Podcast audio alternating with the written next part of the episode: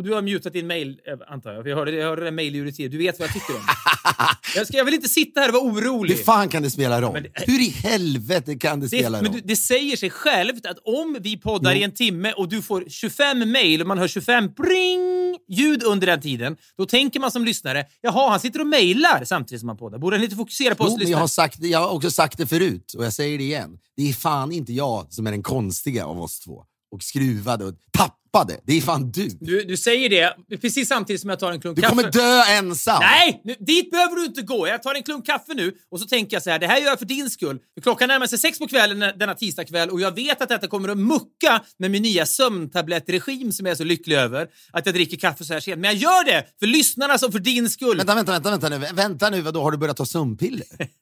Jag har, börjat, jag har påbörjat en regim, kallar jag det. Det känns mycket mindre destruktivt då. Att det är en sömntablettregim jag har inlett. Men vadå? Men har du, har du varit hos en läkare som har skrivit ut sömntabletter? Har inte varit... Vi gör så här nu bara. Nu säger du bara välkommen till podd. Vi är igång, så säger du bara då och sen hoppar vi direkt tillbaka.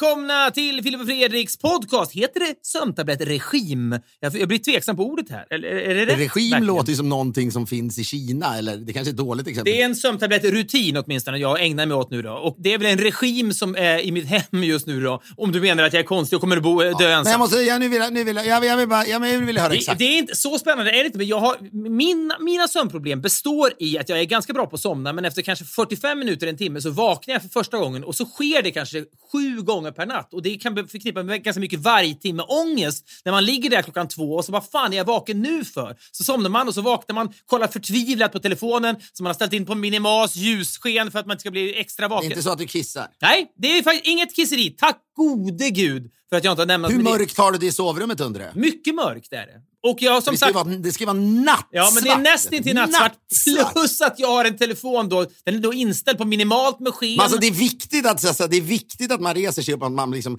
det, är, det är stor risk att man ramlar för att det är så mörkt. så mörkt ska det vara. Men det är nästan till nattsvart, så det är inget problem. Men så vaknade jag mycket. Och så tänkte jag, det här, jag kan inte ha det så här. Det är, för, det är för mycket förknippat med ångest och man kände grus hela dagarna. Va, väcker du din fru på grund av att du kastar dig Nej, runt det och tror så? jag eller? inte. Nej, jag, jag ligger där. Min, min ångest är stillsam och liksom gnyende, mer kvidande. Men då tar du ändå upp telefonen. Mot alla råd och rön tar du upp Nej, men bara för att kolla vad klockan är. Och sen så lägger jag ner den fort så att det inte ska på något sätt, skenet inte ska påverka mig. Ah, ja, du, går- du, du, går inte, säga- du går inte in på Mar, Mar, liksom Aftonbladets Markus Larssons Twitter och kollar vad han har skrivit mitt i natten. Nej, nej. Nej, Marky Larsson. Nej, jag går inte in på någonting. Ja, men du vet, nej, nej, det gör jag inte. Jag vill bara förtvivla som. Ja, men så, så är det då en, en gemensam vän till oss som har då under senaste liksom, halvåret haft en egen sömntablettrutin. Jag frågar honom vad är det det heter och sen messar jag någon läkare jag känner och så säger ja, det här, det finns Går något. det att få reda på vem det är? Kan du säga det? Det är spännande då för mig. Nej, det kan jag faktiskt inte. Jag kan inte hänga ut någon. Det, det, det är ju ändå... Kan du ge mig en ledtråd i podden som gör att jag fattar det men inte, inte lyssnarna så att säga? Eh, han är från... Okej, ja, okej, ja, visst, absolut. Ja, Lasse Kronér eller?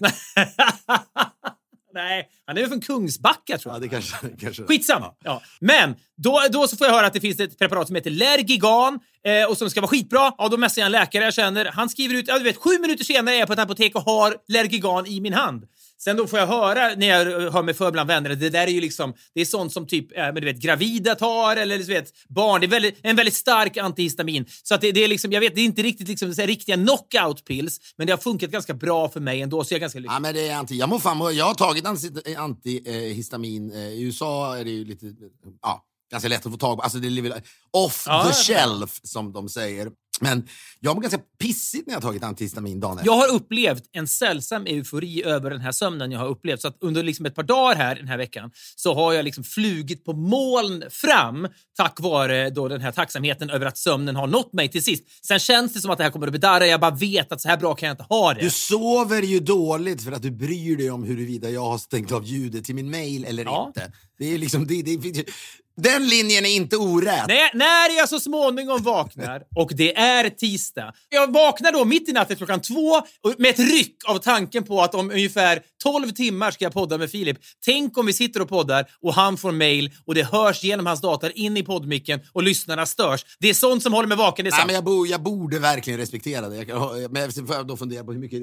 Har du respekterat mig mycket i livet? Ja, det har du faktiskt. Det har har, du. du gjort, så att säga.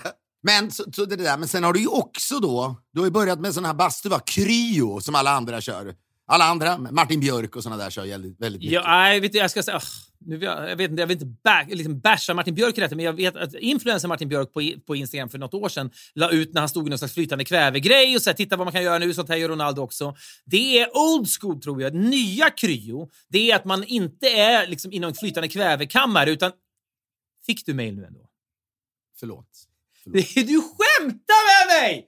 Förlåt, säger jag. Glömde- Vi började ju prata om någonting precis Jo, men det, det, är ändå, det, det dröjer alltså 45 sekunder från att du säger att du måste respektera mig, att det är rimligt att du gör det. Sen har du ändå... Du, du tänker att du stänger av ljudet på datorn, men så gör du det ändå Ja, men det, det är väl det möjligtvis. Försvaret är att jag aldrig gör någonting för att provocera dig. Jag är för rädd för dig för att provocera dig med Jag flit. vet. Det roliga med dig är, jag minns vi hade en diskussion för några år sedan när du säger så Dina, för dina raseriutbrott blir bara värre och värre. Det Jag minns vi hade en diskussion för några år sedan när du sa vid något tillfälle jag gör så gott jag kan och mitt motargument var nej, du tror att du gör så gott du kan. Och det är samma sak Jo, här. men om jag du tror, det så gör jag så gott jag kan. Det Ja, är tänker, att göra så gott jag, kan. ska stänga av ljudet. Men sen är jag inte kapabel till det. Alltså gör jag så gott jag kan. Nej, men det, du, för nu har Det du var en sak om jag ville provocera dig. En, nu tryckte jag det är den här med strecket över själva grejen, eller hur? Mm.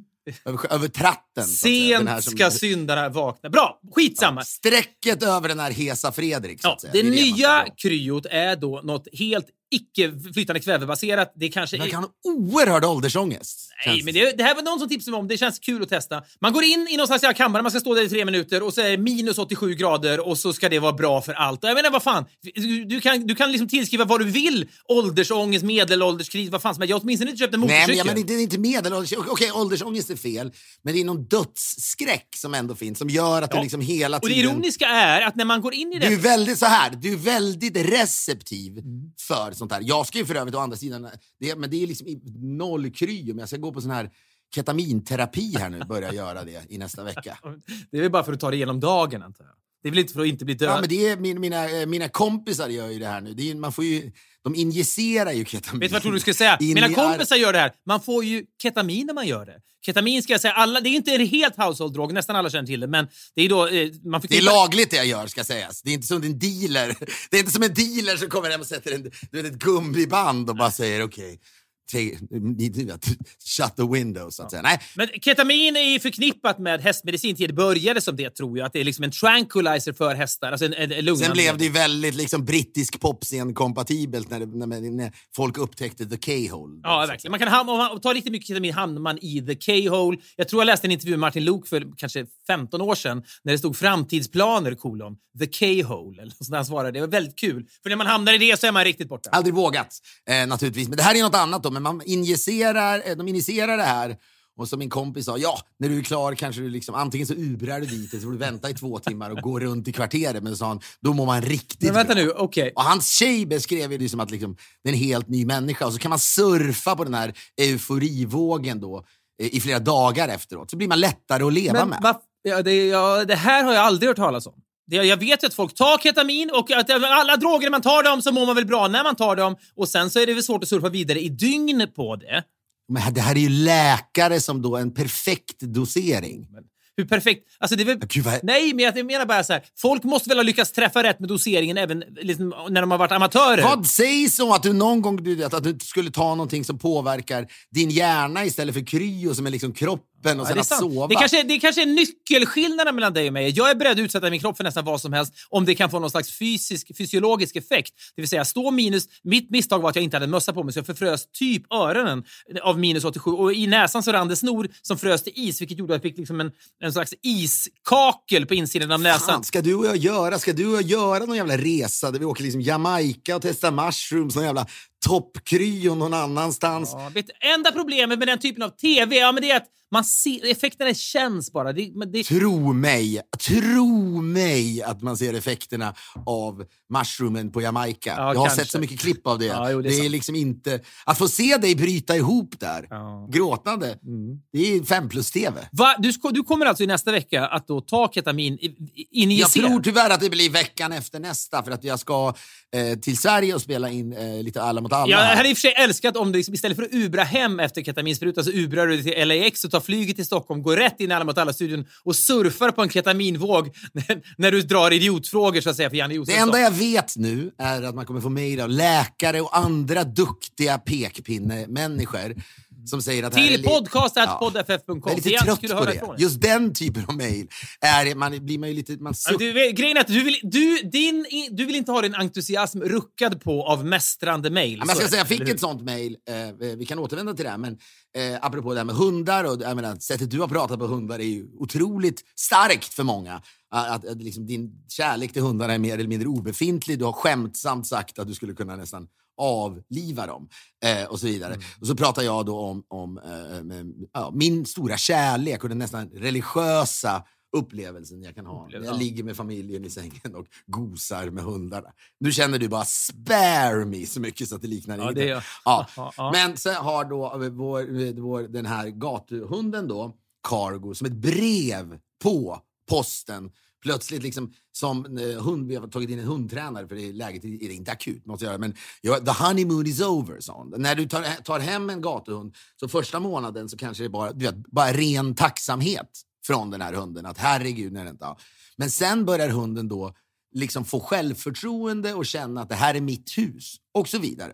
Det är det, liksom, era hundar gör ju vad fan de vill. Så att, anledningen till att de skäller så mycket Sveriges mest bortskämda hundar. Ja, men det är ju att de tycker att de leder styrkorna.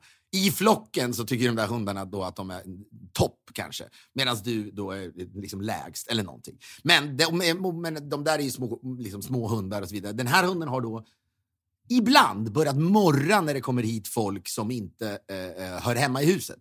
Barnen och allt funkar skitbra, den andra hunden Ja, funkar ja, skitbra. ja. Ja. Du har inte obegränsat med tid kring detta ämne, det förstår du väl? Nej, men det jag säga bara som, som sker sen är ju då att när jag då, hon säger till ja, du måste trycka ner honom. Inte på något våldsamt sätt säger jag för att undvika de här jävla mejlen. Det är inte så Ja, att ja, liksom ja. man ligger där och jag håller inte på att liksom strypa honom. Men jag trycker ner honom. Och så när de lägger sig på ryggen hund så är det någonstans att de säger till en, ja jag vet, jag är underlägsen dig. Mm. Där blir de en så kallad sub. Det, och det ska ju alla hundar vara. Gentemot sina ägare. Ja. Ja, men då kom det någon kille här igår som skulle installera ett akvarium hemma hos oss. Det är också en historia i sig. Det är också ett begränsat utrymme du har kring att prata om Du det. vet ju aldrig vad, jag, vad historierna Nej. blir ändå. Nej. Nej, sant. Tänk om jag hade sagt så här, ja, och fem minuter senare stod han och sög av mig, akvariekillen. Då är det ju en bra Ja. historia. Eller hur? Jo, visst. Jag kan tillstå det, men jag såg inte det komma med akvariekillen bara. Men det, who knows? Men då kommer han in och då står den här eh, lilla hunden Cargo och liksom morrar mot honom. Ja. Dels så tycker jag skäms jag något så jävligt. Jag vill inte bli en sån här Ja, Jag vill inte bli en hundägare som har en hund som du vet, börjar skälla plötsligt. Så här. Det, jag tycker det är, det är bedrövligt. finns värre saker man kan bli, kan jag säga dig. Jo, jo, jo absolut. Men man kan bli Kristoffer Lundqvist i Brainpool och spela en låtar om liksom, frihet. Jag återvänder alltid till honom. Ja. Men jag säger bara, då tryckte jag ner den här hunden framför honom. No! Med bas, basröst som man ska göra. Någon annan pratar vi engelska med honom, men det är för att liksom, de i vår krets, förutom eh, då, eh, liksom familjen, pratar jag. Ja, ja, förstår. Och då ligger han där. Liksom. Och nej, då såg jag i den här akvariemannens ögon att han liksom... Väldigt mycket respekt för mig. That's good. You're alpha. Du vet, han tittar på mig. You're alpha. Ja. okej. Och jag kände mig så jävla sexig. För jag har aldrig kunnat göra det i mitt liv. Jag kände mig som om jag, var, jag tänkte så här. "Men Nu är det jag som är Kalle Wahlström. Kalle och Britta-Kalle. Han känns som att han, han, han är ju liksom... Ja, som skaffar men han är- varenda, ja, okej. varenda djur där är ju sub på ett bra sätt. Men han skulle ju inte liksom... Okej. Skulle han se dina hundar skulle han ju sucka väldigt Ja, mycket. säkert. Ja. Det är han inte ensam om. Ja, men jag kände mig, det var liksom en ny känsla. Inte trodde jag att jag någon gång skulle vara en sån kille som liksom får hunden liggandes på rygg och att, jag, och att, och att en akvariekille står liksom med nästan våta ögon och liksom beundrar mig. För att jag både är så manlig och för att jag gör så rätt. Med den här lilla livrädda eh, gatuhunden. Ja, men du kan se det framför dig, verkligen. den här känslan som både du och jag man, ibland Ja, men när, inte när, liksom man plötsligt tänker så här, sitter jag plötsligt liksom trolldom? Det är det man tänker. Så här, sitter jag på kunskapen? Ja, men också, jo, jo, ja, men det var nästan så här, gör jag det här? Vågar jag vara så här manlig? Alltså, oj, det är inte traditionellt manligt. Mm. Men du vet, den här, man känner sig som att man jobbar på en cirkus liksom. Ja. Och tar, liksom, du, du vet, tar hand om en tiger. Ja, en lejondomptör. Det var en väldigt märklig, eh, eh, väldigt märklig känsla som jag bara eh, sådär... Men kunde du likt ketaminruset då surfa vidare på det här ett par dygn då? Liksom gå runt och känna dig kåt på dig själv? Ja, faktiskt. Ja, ja men du, du liksom såg dig själv i spegeln med lite nya ögon. Ja, typ, men det, lite det är ungefär som att, är jag en sån här människa? Det där har vi säkert pratat om tidigare, när, man, man, när livet fortsätter att överraska en. Ja, men det är väl lite som när du är på en liksom, sömnpillerregim. Så är det ju någonting... att- Eller rutin, ja. Ja, ja. Du tog tag i det där och, Mm. och det visst det är lite skrämmande, men nu är du en sån människa som tar din sömn på allvar. Det är inte så sexigt då. Nej, det är det verkligen inte. Herregud. Jag stoppar också in en bettskena när jag går och lägger mig för att jag knistrar tänder så mycket. Sover du i pyjamas också eller? Nej, det gör jag inte. Men min fru säger okej, så sömntabletter och liksom löständer in. Det känns Ja, liksom som att man går in i en ny Ja, fas. Det är motsatsen till vad en kille som trycker ner en hund Ja, det är liksom sexigt är det inte. framför en Ja, akvarieinstallerare. men däremot är det någonting att komma ut från en kryokammare då, 87 grader. Man har stått där inne, liksom, man är nära en temperatur som är dödlig. Man vet, är jag kvar Men är ni ett gäng då? Är alla dina paddelpolare där? Nej, Paddel-Jonas nej. Jag, jag vet att du skulle önska dig det innerligt. Men det är jag själv som går dit. Och jag, kom, jag går in i den här 87-gradiga minus liksom, eh, kistan, kommer ut därifrån, då är det liksom ändå såhär, ja... Men jag, jag måste ändå få lite, jag vill nu, någon slags målerisk grej. Det här är nu någon slags klinik där de, man satsar helt och hållet på kryo då. Ja, ja men så, så går man in i en blå kammare och så står man Nu ska du stå här inne i tre minuter. Det är liksom en liten mätare som går från... Jag får lite klaustrofobi. De skulle kunna hänga ett stort hänglås på den där så kommer det inte ut. Ja, men så här, man, man, jag är ju helt i den här människans händer. Stänger han dörren här nu, då fryser jag ju till döds på 10 minuter. Tveklöst. Minus 87. Det är stå- jättekonstigt. står Kan du sparka upp dörren? Nej, det tror jag inte. Den känns superrobust. Så att visst, det är liksom... Jag såg... ett jävla brutalt sätt att mörda någon. Ja, verkligen. Och så liksom liket är iskallt, luktar inte heller. Så kan man liksom ha... Få nu inga idéer, tänker jag på den här kryokillen. Nej, men det är en, och så, så, så står man där inne då och, och det, man känner sig, okej, detta är så jävla kallt att blir jag kvar här inne nu, då är det över och det finns en, liksom, en slags sexig tilltro till mannen som släppte in mig här att han också kommer att släppa ut mig. För annars är Vad sa du, det är 87 minus? 87 minus. Ja, så står man där i tre minuter eller fem. Men har det då, då antar jag, då har, ja, då har det då tagits fram hur länge man, en människa kan vara där Ja, men jag, direkt, direkt när jag var klar kom det in en rysk MMA-fighter som stod där inne i fem minuter och kom ut med ett leende på läpparna. Så det går ju lite längre säkert, men han var säkert van vid det också. Det är som när han Joe Rogan, mannen på allas, vissa människors läppar just nu i alla fall, har en viss typ av eh, liksom, människor i världen varit sugnare på att cancella en människa än honom. Det är, det är sånt jävla cancel-drev. alltså de ger sig. De, Vet du vad, det är ett cancel-kli som kanske har drabbat miljoner människor över hela Sverige. Liksom säga, DN Debatt-människor över hela världen. men jag med, med honom känns det bara så här, han måste, nu har vi fått liksom korn, så här, det går. Han är då alltså, han är världens största poddare. Låt oss inte fastna i honom, för alla vet ju om det. Ja, men du kan inte säga det om alla ämnen. Nej, men nästan. Ta mig fan, jag är Ja. kräsen! ja, men sådär. Han är, och han är, det- det är ingen favorit till mig, men det var någon gång någon sa till mig också, någon, svenskt kan man säga, inte vet jag, men han är så jävla han är ju så amerikansk, både i utseendet, hur han pratar, röstläge. Han liksom lägger ut på Insta när han grillar liksom älg varenda kväll. Och han, vet, han sysslar med, han är ju liksom MMAs liksom ständige kommentator och så vidare. Han är liksom ja, superstjärna på alla möjliga sätt. Och, och så, så. Men det var när jag var på någon fest i Stockholm senast, jag var där och alla bara, mm, eller alla, det var någon som skulle beskriva Joe Rogan. Amerikanskt korkad var då beskrivningen av honom. Det är lätt att hamna i det förstås. Mycket kan man säga om honom, men han är liksom inte dum på det där sättet. Nej, men det är, det är som att alla, George W. Bush under de åtta åren han var president så älskade ju svenska debattörer också att säga att vilket, vilket state of affairs, vilket land USA är att en korkad människa som George W. Bush kan bli president och dessutom bli omvald. Så är det ju också att... Menar, man, Han man tycker kan, inte som du. Han har liksom, det är det det handlar om. Han tycker inte som du och sen har han muskler och är lite liksom buff så att säga. Ja, men det är det Ja, som han, han har ju också ett huvud som... Han kanske har det största huvudet som världen har skådat. Kanske det största huvudet sen Hitlers arkitekt Albert Speer. Han, får jag bara säga, han är manligare än sångaren i Melody Club, så att säga. Enligt någon traditionell... för det bara, ryck, för det bara rycka någon. Ja, han var jättetrevlig sångare i Melody Club. Vi turnerade ju med dem en gång i tiden. Men, men, han är inte, 2003 han, ja, men han är han är inte traditionellt manlig. man, på Joe, äh, som äh, Joe. Rogan är enligt någon amerikansk modell. Men det sägs ju Joe Rogan har ett väldigt stort huvud. Albert Speer, som då det har skrivits en bok som heter Albert Speer och sanningen som Gitta Det har vi också, ska sägas. Både Vi har också ganska huvuden stora huvuden du och jag. Det, det tycker jag, det, det hatar man väl inte att man har på något sätt. Men om man inte har för tätt mellan ögonen som jag understundom kan misstänka att jag har. Men då sägs det ju att Albert Speer, Hitlers arkitekt, hade ett väldigt, väldigt stort huvud. Men ingen i det tredje riket hade ju större huvud än Hitler. Eh, han hade ju ett jättehuvud. Eh, det var han känd för och ingen vågade säga emot det förstås eftersom Hitler ändå var Hitler. Men en gång då, när Hitler hade ett möte och lämnade mötet, kanske för att gå på toa, kanske för att liksom fylla på amfetaminmissbruket eller vad han nu gjorde, så, så blev ju då Hitlers hatthylla kvar givetvis, där Hitlers hatt låg. Och så sa folk så här, undrar hur stort huvud Hitler egentligen har.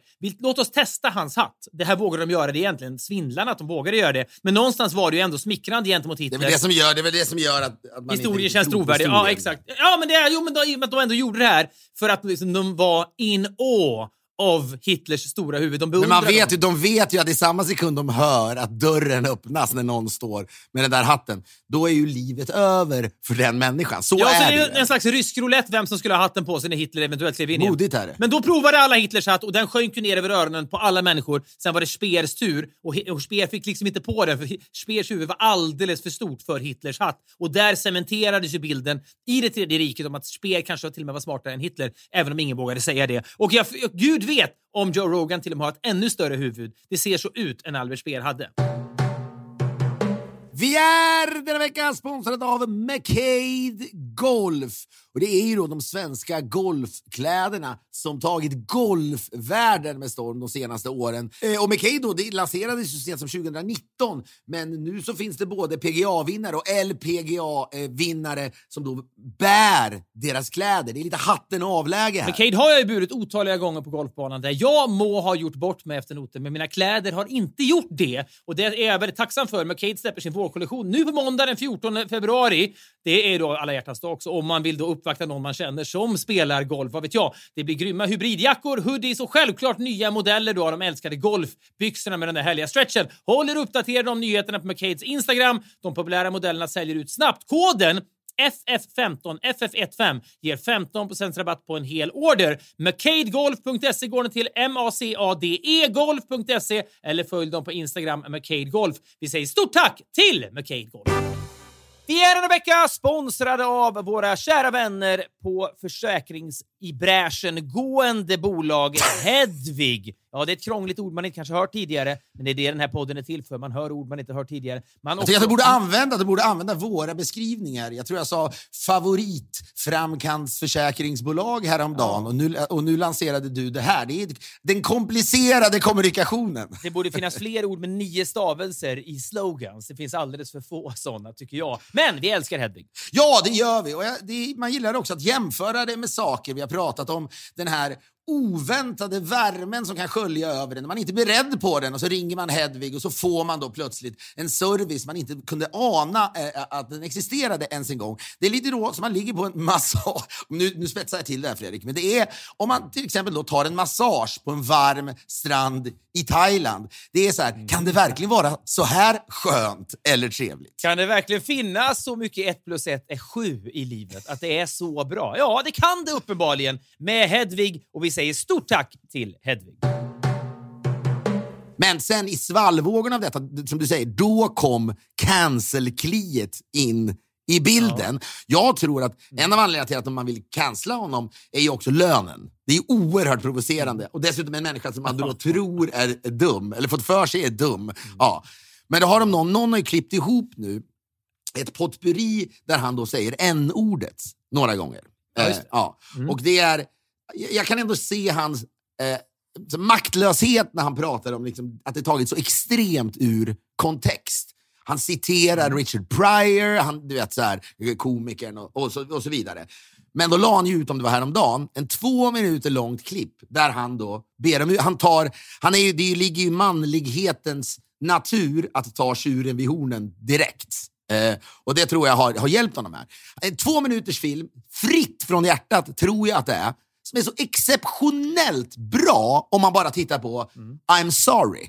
Sen kan man tycka då att, att så här, ja, han gick för långt, men han liksom, there's, there are no excuses, but it's out of context. Jag, jag vet inte om du har sett den här, det är värt att se. Vi kan inte, Ja, vi kan inte lägga, ja, men jag blev så här ändå, fy helvete vad du gör det bra. Sen så, det han har gjort är ju fel. Han kan liksom inte äga en ordet på några som helst sätt. Men han ger den här långa förklaringen, ber om ursäkt, får ganska många svarta människor med sig, givetvis, i det här. Men där liksom tro, folk trodde ju, då, när det där kom ut, när den människan som la ut det där, postade det där, då var ju cancel-kliet stort och självförtroendet stort för att Joe Rogan skulle cancelas.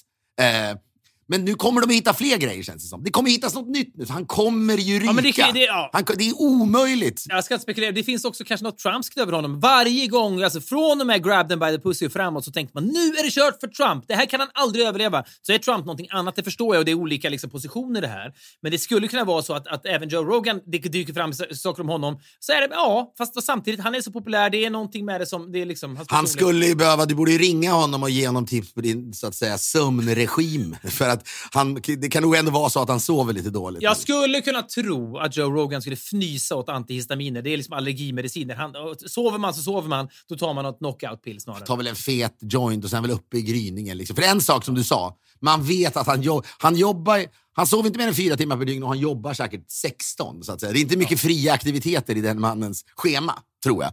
Men han är ju naturligtvis, han, jag såg bara att när han gör då, han ligger i såna isbad. Som är väl, det är, det är någon slags, kan man säga, det är väl någon slags, det är någon slags Kalle Wahlström-variant av kryon. Man vet ju att Kalle skulle bygga en eget isbad, så att säga. Ja, det spelar väl ingen i sin lada och så vidare. Och det då, där, han låg i en halvtimme i det, Joe Rogan. Han lägger upp det.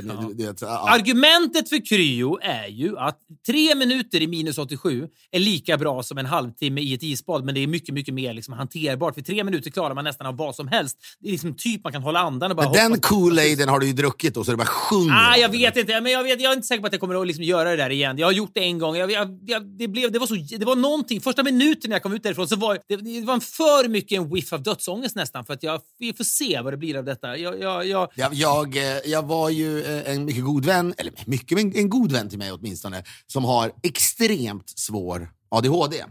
Eh, eh, kör då isbad, för det ska ju vara en, en, en metod som funkar lite grann mot ADHD, då, eller hjälper till på något sätt för att ja, man ska lugna ner sig lite grann och kanske få bättre fokus och så vidare. Och eh, eh, jag kan ju känna en viss, eh, alltså, Eh, alltså, någon slags släktskap med honom får man väl ändå lov att säga. Så att vi då var hemma på middag hos honom och mitt under middagen så här, nu är det dags för dig att hoppa i isbad. Alltså mitt under middagen. det, vilket, i, vilket i sig är ett tecken på att han inte riktigt har koll på sin ADHD. Känns det som. Ja, men släpar bort mig till den här, då, den här eh, tunnan som är, liksom, den är utomhus och igång hela... Okej, så motsa, det är motsatsen till en sån här klassisk liksom, så här, TV4 efterfest badtunna där det är va- 38 grader varmt. Så är den här elen här används till att kyla ner vattnet så att det nästan är vid fryspunkten. Ja, på något jävla... Ja, så är det väl. Precis, ja. ja, men så går jag bort dit och så sitter jag där och sen först sitter jag i 30 sekunder. Och det är bra när man är på fest, man har någon, eh, ett par martinis i kroppen, eller margaritas kanske. Ja, men och sen också inför en människa, alltså inför dig hade, man ju varit, hade jag varit supergnällig, men det är svårt för andra, man måste väl ändå hoppa i. Ja, men det är väl också, kan, eh, om det här också utspelar sig efter din stund med hunden och du upplever en ny våg av liksom kåt på dig själv, Ja, manlighet. det var ju inte efter, det ska sägas, det var ju inte efter det, utan det här var Ja, ju men sedan. jag menar, det beror på vilket mode man är. Man kan ju också säga nu jag är liksom en person som klarar saker. Då kan man ju sitta där kanske. Men då gör jag det där och sen nästa gång ligger jag i en minut och två minuter och så vidare. Och någonstans uppskattar det. Det här tar över middagen lite grann. Alltså, de övriga middagsgästerna måste Ja, ju men framförallt exakt, hans, hans fru och, och min tjej. Det är ju märkligt för dem att vi bara studsar iväg och gör ett isbad såklart. kristallklar ADHD. En människa som... Det, det, är, så, det, det är en självuppfyllande, en osjälvuppfyllande profetia. Kom med nu till mitt isbad som hjälper mig mot min svåra ADHD. Men själva faktumet att jag lämnar middagen med dig för att testa det här isbadet är ett tecken på att min ADHD är helt out of control. Så det här isbadet funkar ju inte alls. Nej, men visst, och jag kan naturligtvis känna ett, ett släktskap med honom så jag tycker inte det är så märkligt. Men, och sen ska han då ha 50-årsfest någon vecka senare. Och då ringer han mig och, och så här, lanserar idén att han ska ha två sådana här isbad på festen. I, I festlokalen då. Det låter recipe for disaster, att folk kommer dö. Ja, men då, då ja, så skickar han ut inbjudan. Där han då någonstans antyder att det, är liksom, att det är ett party där man ska simma lite grann. Så han bre- ta med badkläder. Aha, lite poolparty-stämning. Ja. Men för jag, ap- apropå då, att hade du varit kompis med honom så tror jag du hade ifrågasatt den här idén och sagt att det, ja, du, hade, du hade ändå tvekat kring den. Så här, folk kommer, de är du vet, taggade till tänderna, det är 50-årsfest, de kanske inte vill hoppa i ett isbad. Du vet, det är märk, det, det är märkligt. Så du hade kanske stoppat Jag vet det. åtskilliga människor som inte tycker att det är en bra idé. Eh, Självklart. Jo, jag vet, men du är ju ganska, du är ganska tydlig i din feedback när, när idéer lanseras. Ja. Men det fanns ingen Fredrik Wikingsson och jag sa, men det blir kul, sa jag. Och sen sker då den här festen. Och det är jävligt starkt ändå att han ligger själv i det här isbadet stora delar av festen. Eh, han nämner också mig i talet. Vi har inte träffats så länge. Nu vet nu ska vi, Filip ska snart ner i isbadet också. Du vet, så, här. Jag känner inte så, här, så jag var ju tvungen att hoppa i också. Ja men det var så var det, någon scen med band som åkte. Bakom scenen så var då det här rummet. Och han låg det, han var ju så jävla lycklig. Fördelen var, är ju med honom att han har ADHD, att han själv tror jag tyckte att det var en succé. Men jag lovar att det var fem pers av 200 som hoppade i det där badet. Ja, fan vad intressant. Det, man, jag tänkte säga så här, kommer det här att bli den nya grejen? Men jag hör ju svaret på det är nej. Jag menar, det hade varit någonting. Kom till min fest, jag har en kryokammare, minus 87 grader. Vi hoppas att vi ska ha ordning på dörren så att det inte sker några olyckor här. Men annars är det, en skitbra idé. Utsätt dig själv för liksom dödshotande kyla under festliga former. Den här, eh, den här akvariemannen hade också tror jag ADHD. Han kom igår, det var väldigt roligt. Han köpte en, en begagnad, antik, någon slags thailändskt akvarium som, i bambu då, som jag hittade. Jag tyckte det var så kul. Kostade inte många kronor. Ja. Och så online lyckades jag hitta, hitta honom. Du vet. Han bor någonstans i Inland Empire, som det heter, i Kalifornien, liksom långt bort från...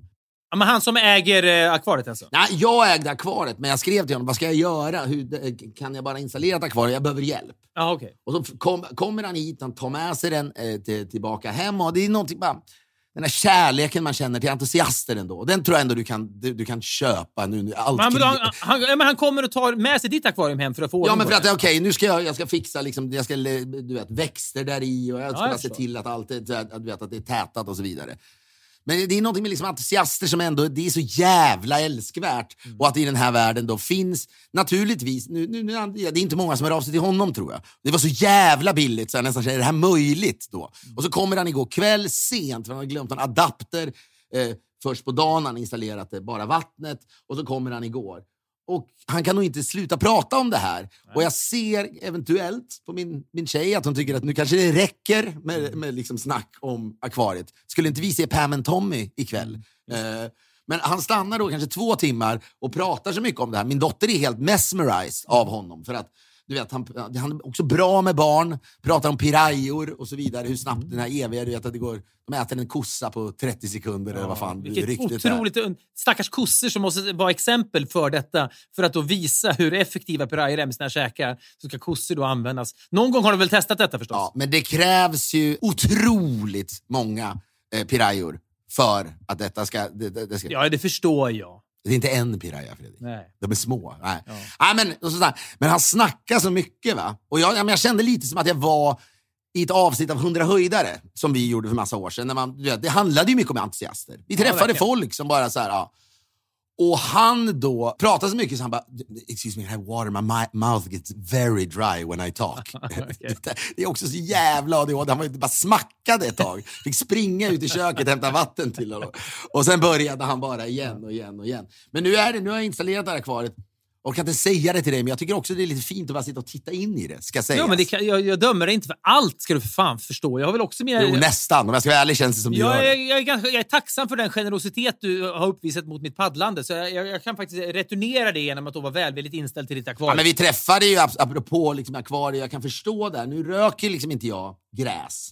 Testat mycket, eller man, då och då så ger det en ny chans. Men det funkar liksom Du har inte. ju en dröm sedan många, många år tillbaka om att bli en stoner, men att det inte riktigt funkar för dig. Det biter. Ja, men det är inte liksom stoner, jag vill inte bli någon sån här som röker hela dagen, men som kanske, du vet, Nej. många som har alltså, en sömnrutin då, eh, är det ju för många här borta där det är lagligt så är det ju, jag skulle säga majoriteten testar ju då eh, gräs för detta. Att hitta någonting som är perfekt. Ja. Så jag fick, det här var inte så länge sedan, jag var och eh, eh, träffade några vänner och sen så var, och barnen var inte här och Agnes var också borta och reste. Så det är ett perfekt läge att testa eftersom jag inte vet vad som kommer hända. Och då sa han, "Ja, men ta en sån här gummy, sa han. Mm. Eller det var en hon. Och det var en sån här persiko, du vet som, man, ja, som finns på liksom karamellkungen har. Ungefär. Ja, jag förstår precis. Ja. Kommer ja. hem. Han bara, ta den nu i bilen så är det perfekt när du kommer hem. Klockan var fyra Mm. på eftermiddagen. Och sen tar jag den då. Och så eh, kommer jag hem och tänker jag, alltså, sätter jag och tittar på något. Då tittar jag på den här, någon dokumentär, The Hunt for Osama bin Laden. Det minns jag att jag gör då. Va? Ja. Mm, Det är klart du gjorde. Och så börjar det kom, dra igång. Du vet när man känner den jävla skiten. Alltså, du vet. Och jag börjar få sån jävla ångest så att det liksom liknar ju absolut ingenting. Och jag tittar runt omkring mig och du vet, jag bara nej, nej, nej, nej, nej, solen får inte gå ner. Den får inte gå ner, den här paniken. Ja. Det blir väl en väldigt ond spiral det där också. Att, liksom, att du blir också rädd för att bli rädd. Du, blir, du får ångest för att du ska få ångest och då snurrar det här bara fortare och Ja, men jag fortare. tänkte, det här är och då ju- absolut inte det jag vet. Och nu ska jag inte, det är inte så att jag sitter... För det är viktigt för mig att inte sitta och vara så jävla kritisk mot, Nej. mot det här. För tvärtom så tror jag Tro att mig, det är ingen som upplever dig som speciellt drogkritisk. Och sen efter ett tag så, ja, som ett brev på posten. Fan vad sugen jag är på glass, givetvis. Har inget glass hemma. Ja, det är springer ner till 7-Eleven här nere. Köper två paket glass. Bara vräker i mig det ena. Glömmer att ställa in det andra i, i kylskåpet. Sitter och tittar på, på eh, Osama bin Laden, har panik. Går sen ut i köket igen. Och då har ju det här liksom Ben Jerrys-paketet förvandlats till soppa. Så jag äter någon slags liksom och ljummen... den soppan är inte tråkig. Nej, helvete. Jag dricker den som en pint. Som att jag sitter med dig på någon jävla liksom O'Learys någonstans i Stockholm. Eller någonstans så här. Så dricker det. Ja. Och så, säger jag, ja, så går jag tillbaka igen. Bara slutar aldrig. Och sen kommer ju saltsuget. summa summarum har du då tryckt i dig två hinkar så att säga, eh, då, Ben Jerrys. Den ena i fast form, den andra i flytande form. Ja. Och sen så en- ångesten du har av det tilltagande THC-nivåerna i blodet kan ju då späs på av den här ångesten man kan få när man har tryckt i sig väldigt, väldigt mycket glass. Jag själv då har ytterligare en rutin igång. Min fru har varit bortrest ett par dagar så jag och barnen har varit ensamma hemma. Då har det liksom things have let themselves go lite grann. Det har blivit mycket pizza, det har blivit mycket kakor. Jag jag har väl släppt på alla spjäll bara för jag, jag har inte orkat stå emot den här liksom vågen av önskemål. Så jag, bara, jag, jag släpper allt. Och då har jag då tryckt i mig så mycket så att jag nu har någon slags självordinerade självsvält ett par dagar bara för att jag mådde så dåligt över det jag tryckte i mig igår. Pizza, godis, ja men du vet, ka- allt! Så nu ska, tänker jag inte äta på tre dygn. Och det är det man kan uppleva. störd men det kan, Du är störd också. det kan man också uppleva när man då är på THC och då edibles som du är på trycker i sig två pints av Ben Jerrys kan jag tänka mig. Det är ytterligare en ångestfaktor med det. Ja, men det jag sa, det slutade ju inte där. För sen beställde jag då pizza. Okej, ja. Och drog i mig liksom två pizzor efter det. Ja, så, var det. men det var på alla sätt och vis. Det var ju liksom en gummy. Eller så här, en... Ja, Edible vet, så här, ja, kallas det kallas det för för, gummy. Nu har vi. Mm. landat i det här vad man kan göra för att må bättre och så vidare. Jag är ju nå- i grunden nu, jag är jätteglad för dig här. Så nu går, kan du gå och lägga dig och sova sex timmar i sträck. ja, jag undrar om inte den här effekten redan börjar ge med sig. Jag tror att jag, jag, jag förutspår att om två veckor, Vet du vad du gör då? då växlar jag upp. Då drar du bara upp dosen. Ja, men först drar jag upp dosen, men sen när jag har dragit upp dosen väldigt mycket så är det kanske ändå dags att byta medicin till någon annan medicin. Vi får se. Den här historien är inte avslutad än. Jag vill bara hoppa rätt över till något annat nu. Mm. Eh, och jag, jag, jag, OS har jag tittat på lite grann här. Det är, ju, det är svårt eh, med tanke på att alla såna sporter där svenskar är framgångsrika är inte nödvändigtvis populära här i, i USA. det är klart. Som du först- det, är, det är verkligen snowboard Det är också någonting med den här extrema kylan och coviden som gör man ser ju aldrig... Man, det är alltid så att på, eh, när det är sommar-OS då ser man idrottarna. De har liksom, det är till och med så extrema då, löjliga regler som i beachvolleyboll måste tjejer typ ha bikini på sig. Det är liksom galenskap. Men även i andra idrotter så ser man liksom ansikten, man ser liksom kroppar. Nu, på grund av coviden och den extrema kylan, man ser liksom ingenting av idrottarna. De har munskydd, de har någon sån här jävla kindskydd, de har liksom solglasögon, de har mössor. Man ser dem inte. Det är så, du kan lika gärna... Du, hur vet vi ens att det är Therese Johaug som åker? Eller att det är liksom Frida Karlsson? Det kan, det kan vara, det kan vara liksom Torgny Mogren som åker. Man ser dem ju inte. Fan vad dopad hon känns. Hon känns så jävla dopad. Det känns som att det bara kom, Johaug, det ja. kommer ske. Ja, det, det är så här, ingen idrottare i världshistorien sen alltså efter muren föll har känts mer dopad än hon. Jag, jag är ledsen att behöva säga det. his- Historiken är ju då att hon fick stå över förra OS för att de, då, de hittade någon, någon slags eh, anabola steroid eller något liknande i någon läppsalva som hon hade använt. Hon har ju alltid då hävdat att hon är oskyldig. Men det är någonting med en dopad eh, skidåkare som kommer tillbaka och vinner massa guld och jublar som om ingenting har hänt. Och en hela jävla norska nationen där tar fram det sämsta i mig. Men de jublar med detta. Jag står liksom inte ut. Och nu har det blivit så till och med, och jag vet vi pratade om det här förra veckan, om det här idrotts handbollsreferatet etc. etc. som då handlar om att man gör ner Norge. Jag vet att det var en referens till ett gammalt referat från 1981, men det är obegripligt ändå att man förstör ett klassiskt idrottsögonblick genom att i sitt eget referat hänvisa till någonting som skedde för 40 år sedan. Det tycker inte jag man ska göra. Oaktat detta, så i alla grenar nu där det går dåligt för Norge så gläds jag på något sätt som jag liksom inte ens kan stå för själv. Sån har man Och liksom som vet blivit. att när OS är slut så kommer de att ha kommit ifatt. Ja, och åkt förbi så det bara sjunger om det, men det är vad det är. Men det var för jag träffade en, kompis med läkare här borta och eh, han är lite intresserad av OS och han, eh, då började vi snacka om Johaug och så sa han bara it's not possible. She's on, she's on, she's on medicine, she's on something enhancing, an enhancer. Och det är bara, it's impossible. Det var liksom inget snack. En kompis till mig är eh, också, eh, vad heter det, pitcher i eh, eh, baseball då. Och, han, och han var i Los Angeles Dodgers en gång i tiden. Det är den som kastar, kastar bollen helt. Precis, ja. Men han, för han sa till mig, nej men jag och han är nu något, liksom, han har gått vidare i livet och han var liksom tredje pitchare så han var liksom ingen stjärna i Dodgers. Men, han, ja, men det gick inte bara för att eh, jag ville inte dopa mig. Eh, det är omöjligt. Han sa, och då sa han, det är omöjligt att lyckas eh, i idrott och vara liksom öv, att vara överlägsen är omöjligt utan, utan då att man Jag vet, tar men, det, detta är ju... När, när vi sitter och säger detta och så drar vi in Johaug rätt och så pratar vi om det forna östblocket och så vidare. Jag förstår ju också massa holländare där ute tycker då att den svenska Nils van der Poel som verkar underbar på alla sätt, Ja, som sant. kommer 14 eller 16 i OS förra gången, är borta helt i två år, kommer tillbaka och är helt överlägsen. Då, hade det inte varit en svensk så hade många svenskar sagt det där går inte, it's impossible, han har gjort en alldeles för stark resa. Vi tror ju på honom givetvis. Det är klart vi gör det. Och vi älskar honom för han, han verkar vara liksom en tänkare. Han, han, han är liksom, uttrycker sig som ingen annan. Han är liksom något av det härligaste som har hänt svensk idrott. Ja, jag, älskar, jag, jag älskar honom, men, alltså, men skillnaden möjligen tror jag på svenskar och norrmän är hade han nu åkt dit för någon läppsalva eller vad det var, hållit en presskonferens och gråtit, så tror jag han hade dömts av den svenska befolkningen. Men norrmännen då, när, när, när, när hon satt och höll den här presskonferensen, då var hon direkt förlåten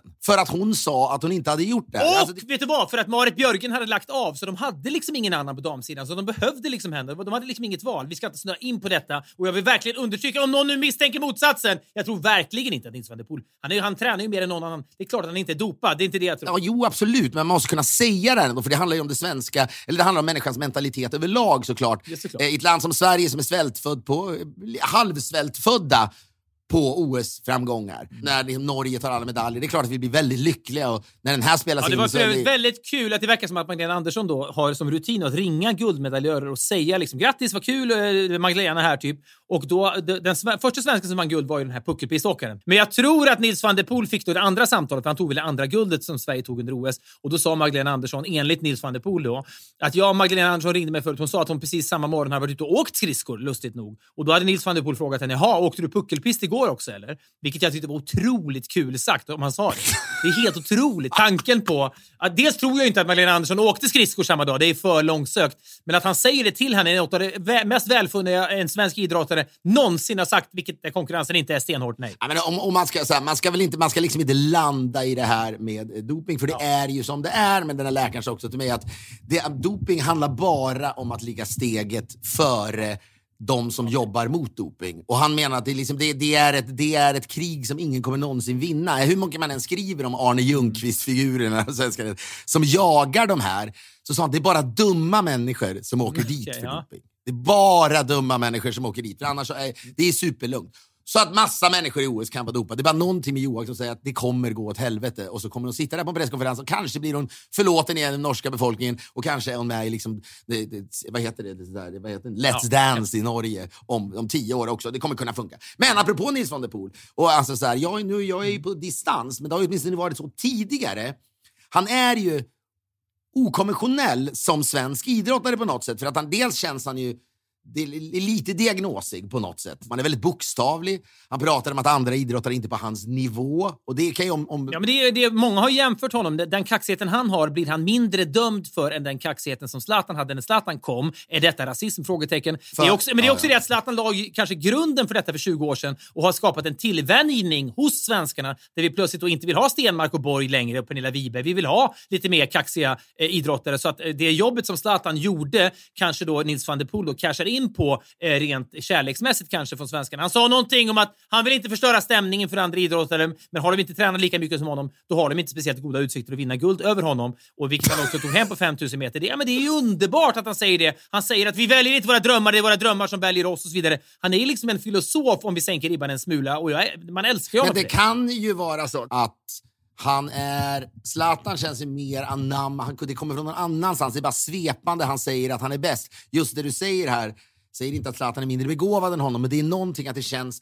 Det är mer förankrat i någon slags verklighet. Ja, men det är snäppet mer kanske finurligt formulerat också på ett sätt som svenskarna kan ta till sig enligt på Rammelskolan. Ja, men han skulle nog inte så snacka om att min största idol är Muhammad Ali och sånt där på samma sätt. Tror jag bara. Det är liksom Who så- knows? Ja, ja, men, det, ja, men det, kan, det kan det ju vara. Men jag säger bara, det finns någonting då med honom som är så jävla spännande. Sen är väl också det att svenska vinteridrottare, är, det är väldigt folkligt. Det är inte rasism, men det är de facto så att det, fin, jag menar, det här att Vinterstudion, som är ett skitprogram, där de erbjuder skitsport egentligen på SVT. De har ju fått det absolut sämsta som finns. Ja, men det är ju så här, du vet, junior-SM i någonting och så vidare.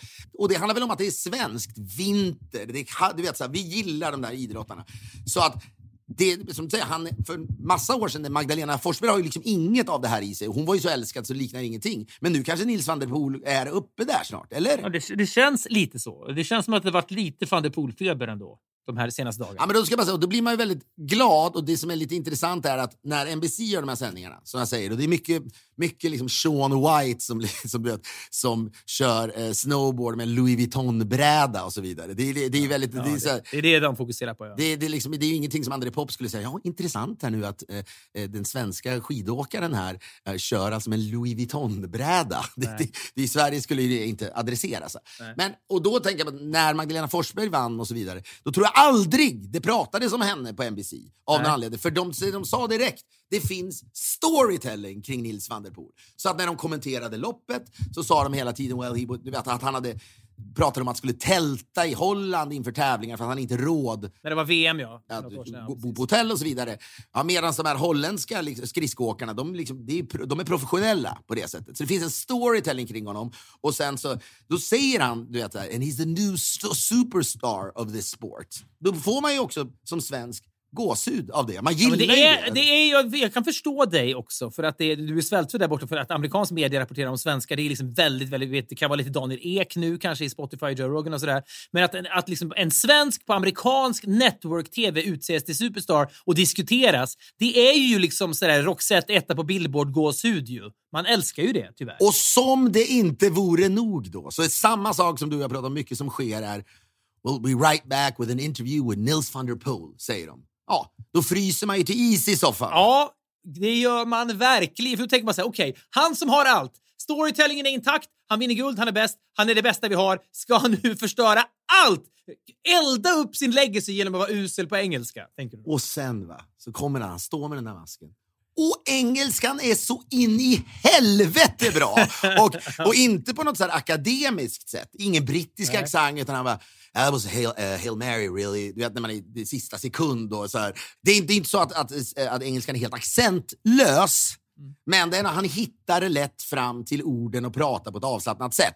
Men för vet du vad, det är väl också det, det, är väl också det att så här, de flesta svenskar som blir intervjuade på engelska, och det skulle ju du och jag inkluderas också, man blir ju nervös, man, man blir självmedveten och tänker hur ska det här gå? Och man liksom vill li- liksom mentalt ligga flera ord framför hela tiden för att vara säker på att man inte ska då eh, bli torsk på ord. Men det som man njuter av här är att han, bara, han bryr sig liksom. Ja, det är klart att han kan prata lite engelska. Nej, och så säger, han, så säger han då, vilket är helt rätt in i vedboden för amerikaner, att han säger well it was fun that the th- uh, last laps meant something because previously during this season, you know, it hasn't really, it hasn't meant anything, säger han och liksom skrattar till lite grann för att han varit så, så Överlägsen, ja. Ja. och så säger de thank you Nils van der Poel. Och så klipp till studion där det här ankaret är då. What a guy! Ler med. Men ler, man blir så jävla glad. När man klipper från en svensk som blir intervjuad på amerikansk tv till ankaret, då mår man ju extra bra om ankaret tycks tycka om svensken. Den bekräftelsen är helt sjuk. Svindyra Ja, studio. Exakt! Belysningen är liksom så här, det är liksom det är helt krisp och det är HD och det är allting. Men Lindsey Vonn satt med sin hund där och liksom bredvid och log bara. Han har enorm potential. Han är en svensk som ankare i dyra studios tycks gilla och då gillar vi honom ännu mer. Det är sjukt att det ska krävas Ja, det, men men det han är kommer sant. bli expert i amerikansk tv. Kanske. När karriär är över kommer de ju kolla. Men, ja, men alltså, han har Om någonting- han vill. Det känns som man kan göra något helt annat. Ja, men så är det. Men det, men det, men det var något så jävla... Jag, jag, jag måste se 10 000 metersloppet nu på amerikansk tv hoppas jag, för man vill ju se vad som händer igen. Men det känns när, man, när, när media får korn på någon de gillar, då kan de ju inte riktigt få nog. Mm. Nej. Alltså det, det är så här, man vet ju att det kommer lämnas över till en studio efter en vinnarintervju igen. Om man vinner igen. På, det är imorgon fredag tror jag det är 10 loppet Men vadå, han, som de säger är väl att han har mycket större chans? Jo, men jag, jag, jag typ vill inte jinxa det nu. Jag är så jävla sugen på att han ska vinna det här igen. Och att ett amerikanskt liksom ankare ska ta emot efter intervjun och se ut som att han gillar Nils van der Poel. Det är så jävla glansigt i den här studion. Du vet, lätt skakning på, på huvudet Ja. för att han tycker att han är så karismatisk. Ja, ankaret liksom så här, man, han tror knappt att det är sant. Han har sett mycket under sina år i branschen, men det här var något Men jag alldeles vet inte vad vi har haft för idrottare. Vissla att han är en sån som kan kunna föra sig i intervjuer för att han har varit Ja, eh, speciell och vågat ta ut svängarna och varit en superstar. Men det är liksom, det, i vinteridrott vet jag inte om vi har haft någon här, någon sån här någon gång. Alltså jag kan Ja, inte men det är en hockeyspelare, möjligt Peter Forsberg kanske, jag vet inte. Nej, Inte inte, på på, det. sätt. Och dessutom, hockeyspelare blir inte Nej, för stora. de, amerikaner älskar också individuella sporter mycket, mycket mer. Det är liksom de, de, I Sverige gillar vi ju lagidrotter på ett sätt som amerik amerikaner älskar ju individer. är det nu ändå, för svenskarna har ju en tendens att fira även silver i Kungsträdgården. Du vet, Rickard Olsson står som någon konferencier och säger att give it up for den här människan som kom fyra i sprinten. Och så blir det ändå jubel bland svenskarna. Är det lite läge för van der Poel när han kommer hem? Att även du kommer stå där på Sergels torg så att säga? Är det lite det? Ja, men jag vet, ja, det, om de tar, det känns... Han, du vet, han var ju inte på Idrottsgalan nu senast exempelvis. Han var ju inte på Jerringpriset och gick ju till med hästhoppningslaget och så vidare. Och så frågade de vad tycker du om det här? Och då svarade han då, jag kunde helt ärligt inte bry mig mindre. Och jag, men jag kan ändå förstå, alltså, så om man inte bryr sig om det där, om, om, han, om man är en människa som ägnar sig åt väldigt mycket träning, han cyklar väl fem mil per dag eller vad det nu är, så här. han är i sin egen lilla bubbla. Om någon annan människa då, i någon jury, ska säga, hörru du, vi tycker också att du är bra. Jag kan förstå. Eller svenska folket, Ja, exakt. Jag kan förstå om man ut, utifrån hans filosofi verkligen inte så här, det spelar ingen roll för mig vad andra tycker om min prestation. Den enda vars åsikt är viktigare än min egen. Är jag nöjd med det jag har gjort? Har jag levt utifrån det jag liksom har drömt om och velat och sådär? Då kan man med fog säga jag kunde inte bry mig mindre. Och vissa tycker att det är kaxigt och sådär, men jag, det verkar bara superrimligt för mig. Så jag, kan, jag, jag kan också tänka mig att Ja, det, han är ju lite av en, han här är en idrottare som är nästan klippt och skuren för dig. Ja, känns det som. Att verkligen. just den här Ja, men jag kan också tänka mig- och le, lever ganska... Jag tror han så, hade ju liksom inga problem för honom att bo Alltså att vara mycket själv. Du borde låna ut ditt hus i Frankrike till honom om han vill bara sitta där Ska jag och verkligen i sitta och stirra? Men det är någonting med... Jag, jag har svårt att tänka mig att han står bredvid någon puckelpiståkare och delar på applåder i Kungsan eller på du vet, Sergels. Det känns bara inte som att han gör sånt. Han kommer åka någon annanstans och sätta sig och stirra. Jag tror inte han åker hem och... Han måste ha pluggat i USA, va? Han måste ha pluggat i USA. Hur- Han kan inte prata sådär. Nej, men just det där avslappnat. Du vet hur svenskar låter. Ja, jag vet. Jag vet hur vi kan låta också när, det- när något står på spel. Ja, ja, gud, Man fryser ja. till is. Underbart är det. Vi är denna vecka sponsrade med glädje av HelloFresh som gör din vardag enklare varje dag genom att leverera bra mat i en smidig box som du enkelt lagar hemma. Att tänka innan för boxen är något av det viktigaste man kan göra som människa och detta är applicerbart även på Hello Fresh. jag gillar det, jag måste säga. När jag då är i Sverige så går det ofta undan. Vi river av en jävla massa tv-program och tiderna har naturligtvis också varit sådana att man eh, är, liksom, är i sin lägenhet mer än någonsin. Men det spelar egentligen ingen roll. Men det jag älskar med det här är att jag blir lite Fredrik Wikingsson. På ett positivt. Jag känner ah, nu får jag de här lådorna eh, levererade till mig, en smidig box eh, där jag då, som, som, som jag enkelt lagar ihop hemma. Allt är förberett. Och eh, jag, jag exempelvis använder en box som heter Snabbt och enkelt. Och då är allting bara uppmätt i rätta mängder. Det är bara liksom hiva i allting och köra. Det, det, det är någonting, den typen av...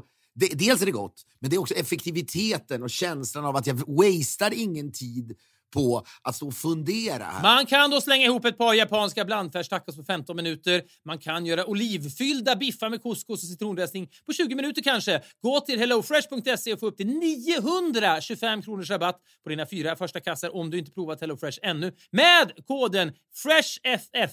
FRESHFF. Du ändrar enkelt din prenumeration efter dina behov när du vill. Vi säger stort tack till HelloFresh. Vi är denna vecka sponsrade av Volt som då kan leverera hem mat i alla genrer. Och Fredrik, du har ju levt i en liten bubbla bitvis under dessa pandemitider och då njutit av de här nya möjligheterna som Volt erbjuder. Det är någonting att, att ha den här, liksom att kunna bli räddad. Alltså det är någonting med näring och mat som, som väcker de allra mest basala funktionerna i en på något sätt. Nu har jag ingenting att äta. Då känns det liksom som att snaran dras åt på något sätt. Är det dessutom karantän och pandemi, då känner man sig extra utsatt. Att då kunna via Volt och beställa mat från restauranger eller från matbutiker. Det är en jävla trygghet i det och det räddar ju så mycket. Men vad är vi sugna på Du nu? är ju gjord för sånt här. Du är ju gjord för ett liv där du aldrig behöver lämna din lägenhet. Det är Nej. det som kommer ske till slut. Konsumera- Och då finns Volt där. Konsumera intellektuell stimulans via tv-böcker och så vidare och dessutom konsumera mat via Volt. Detta är jag satt på jorden för. Koden Filip Fredrik, ett ord. Filip Fredrik ger 100 kronors rabatt för nya kunder på första beställningen med hemleverans. Vi säger stort tack till Volt. Får jag bara en sista här nu? Det känns som jag driver på idag med massa stories, men eh, som du kan då, stories citattecken. Men apropå superstars, för det är han ju nu, Nils van der Poel. Ja, det är han. Och han kommer väl, hoppas han nu kan tjäna pengar och så leva på det här. Fast det kanske han inte ska. Det kanske han inte ska. Det kanske är det som är problemet. Han kanske inte vill det. Nej, who knows? Ja, men också att han, han älskar kebabpizza mer än någonting annat såg jag. Och det, då är det så här, jo men när han säger det, ibland kan det bli en pås nästan. Du vet, så här, jag gillar kebab. Ja. Men det känns så jävla ärligt att han verkligen, han gillar ju kebabpizza. Så det bara... Det är också lite lättare att, det är lite lättare att älska kebabpizza om man liksom har cyklat fem mil per dag, eller 15 eller vad det är. För man bränner det ju... Men ångesten han får över en pizza är ju, är ju mindre än ångesten du får av två pizzor när du är hög på THC. Du borde hänga en vecka med Nils van der Poel och göra en dokumentär. Kommer, du kommer liksom gilla hans regimer så mycket. Det är liksom, vet, så, här. så här gör du när du har ätit liksom tre påsar godis. Du bara går ut och cyklar, Fredrik. Vi tar mig till en kryokammare istället så jag slipper anstränga mig helst. Men då, så här, eh, jag ska inte säga att tv-världens motsvarighet till Nils van der Poel, Bin- Benjamin Ingrosso, för den linjen är så orät som det kan bli. Ja, det- Men han är nu man, liksom, åren går och, och eh, jag menar, vi har väl gjort ganska bra ifrån oss tv och är household, men man känner nu, och en gång i tiden så kom vi in och törs jag väl säga och liksom ritade om lite kartan på något jävla sätt som vi gjorde tv. Och då kände man, ja ah, men det här är kul, nu tycker folk att man, är, man, man, liksom, man gör någonting bra och så vidare. Men den som nu är i särklass the, the talk of the town, åtminstone bland tv-folk, för det är ju Benjamin Ingrosso när det kommer till tv. Tve, kan du köpa Jag det? såg eh, på Insta nu att, att det kommer någon ny säsong. Jag såg att Krunegård, First Aid Kit och massa såna artister är med och, och liksom sjunger där. Och, då- man äter väl mat hemma hos honom och så sjunger man lite och så är det jävla trevligt. antar jag. Ganska rudimentärt upplägg som funkar på Ja. TV4. Är det väl? Sannerligen. Ja, men det låter verkligen. Ja, det, det är väl... Nej, men han har ju växt upp eh, då, han har väl varit så här, eh, det- Dra kändisbarn. inte hela hans Wikipedia-sida. Alla vet vem Ja, han är. jag vet. Men jag ska bara säga, det som är intressant med det då är att han, han är ju jag vet inte hur mycket liksom format han utvecklar själv, utan han, är, men han, är ju, han, han har då förlovats med karisma. Eh, och det är, det är så, så orättvis är ju världen. Vissa människor Ja, ja. har det bara och Det är ingen andra har- demokrati. Karisma är ingen demokrati. Nej, men och detta köper jag på alla sätt och vis. Jag tycker att han är ashärlig. Jag har träffat honom några gånger. Han är väldigt, väldigt vänlig. Vänlig aura. Och jag tror att det det är en Ja. fördel för honom att trots att han växte upp i en sån här kändisfamilj och ändå är han så trevlig. Det ska inte vara konstigt, men för svenskarna är det så. Men då så bara måste jag säga att jag pratade med vår, vår gemensamma vän, producenten Micke Svensson, som vi är ju jättenära vän med, som vi till och med har ett bolag med. Jag anar, jag anar vart det här är på väg nu. Att, vet, får jag gissa vart, vart det här är på väg nu? Ja. Att du upplever, när du pratar om tv, och vi har ju ett produktionsbolag som heter Nexiko. och man försöker komma på idéer för olika, liksom, så här, olika kanaler och det är skitkul att spåna på även program som, som inte du och jag leder så att säga. Och då kan du nu i diskussioner om tv-branschen vara lite besviken på att Micke då är så såld på Benjamin Ingrossos karisma att du känner dig lite svartsjuk. Är det möjligen dit du är på väg? Ja, ja. Egentligen, du nitar egentligen till hundra procentigt här.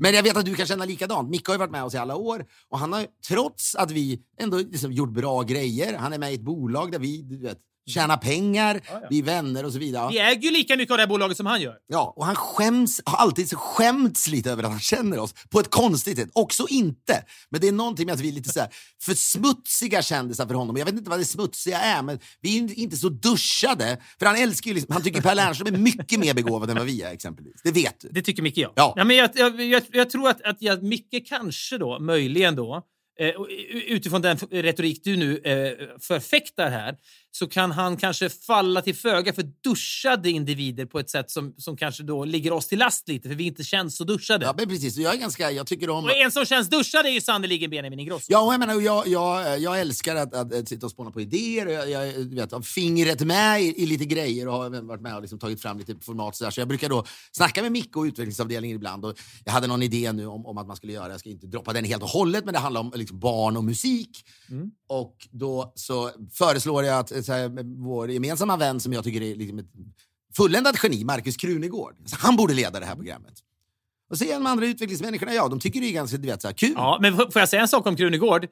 Han känns ju inte lika duschad som några av de Men här det är andra det som namnen. jag skulle komma till. här. Kommer till. Du ser bara redan när jag säger det här över Zoom. Ja. Micke får panik. Han får panik. Jag tänker- han gillar väl också Krunegård, det är inte det. Men, du vet, du vet också han- man förlorar honom. Ja. Han tycker det är så dumt. Han tycker idén är så dum. det är som han har sagt, det är det dummaste i världshistorien. Och så säger han bara, det är bara Benjamin Ingrosso som kommer göra det. Ja, okej. Ja. Du vet, så så- Ska jag, ska jag ringa honom eller? Ja, det är väl klart. Ja. Han är lite, det är helt otroligt hur bra han är.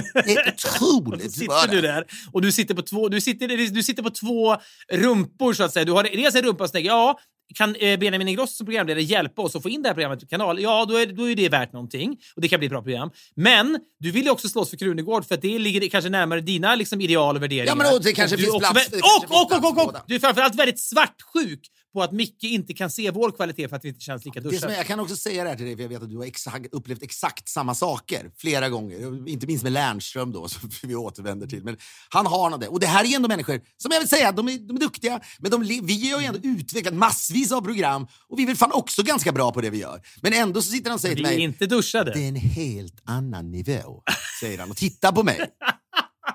Vadå? Han kan väl inte jämföra oss som program... Ja, men han menar väl att nu har det klivit in en ny kille som du vet, slår alla. Det var någonstans hela tv. Jag vet inte, jag vet inte vad han menar. Liksom menar väl oss? Jag vet inte, men han tittar på mig som jag är liksom Men han kan väl inte, jag menar inget ont om Benjamin han kan ju inte leda alla mot alla exempelvis. Det menar det kan väl inte Ja, men det är väl Micke- någonting, Micke menar väl att det är precis det här folk vill ha. De vill inte ha era och Markus Krunegårds oduschade jävla liksom, nunor i, i, i, i, i tv. Men alltså, jävla, du vet, han tittar på mig så allvarligt.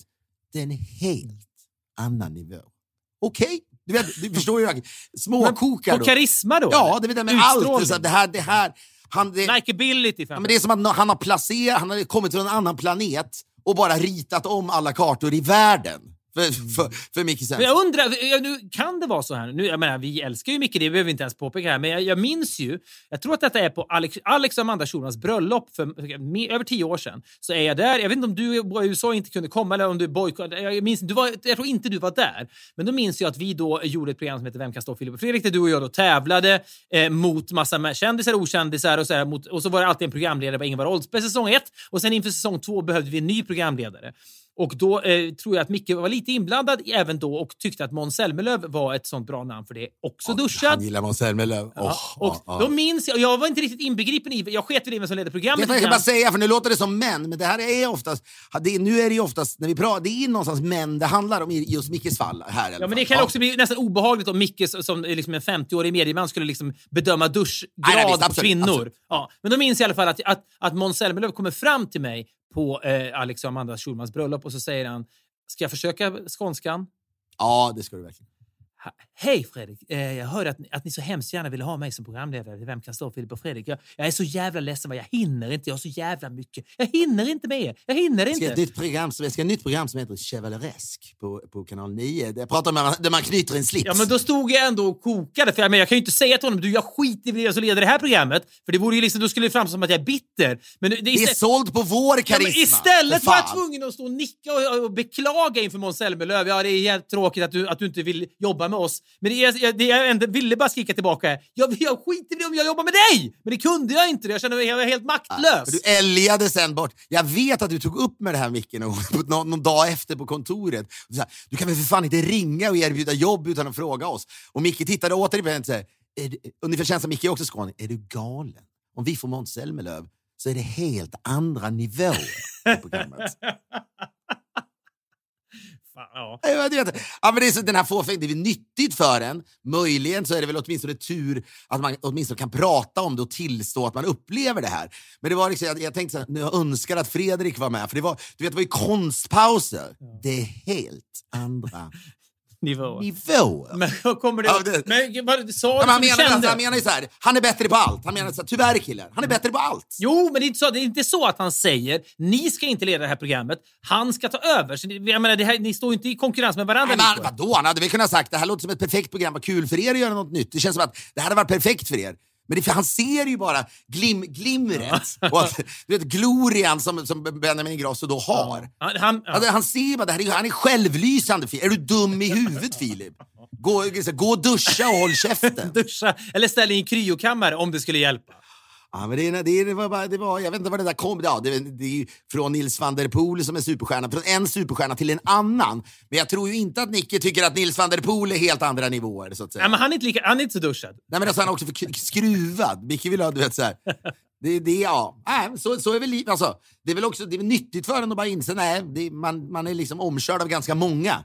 För att man är som man är. Ja, men så här, och det, är väl också, det är väl också så att Micke har ju eh, fingret på pulsen. Många människor älskar ju Benjamin Ingrosso och Måns Zelmerlöw och alltså den här typen av duschade Men det, eh, ju, absolut, men den finger, det är ju mer spännande när man är någon människa som hittar helt nya talanger. Alltså, jag vad fan, det har ju faktiskt, faktiskt du och jag, Ja. nu ska vi inte sätta men du och jag lanserade ju Lerin för TV. Det var ju ändå vi som hittade honom och övertygade honom. Ja, ja, det kan vi vara lite cred för, då hade han gjort sommarprat och så vidare. Men det är ju intressantare när man hittar någon annan. Benjamin Grosso är ju ändå, det är, det är inte, det är inte revolutionerande att föreslå honom, så att säga. Nej, nej, men det behöver inte vara om man får in det på en kanal heller. Det är väl det som... jag menar, Han har ju ett jobb att sköta. Han måste... Fan, jag kanske liksom inte ser Jag tycker att han är skitbra, men man, jag kanske inte liksom...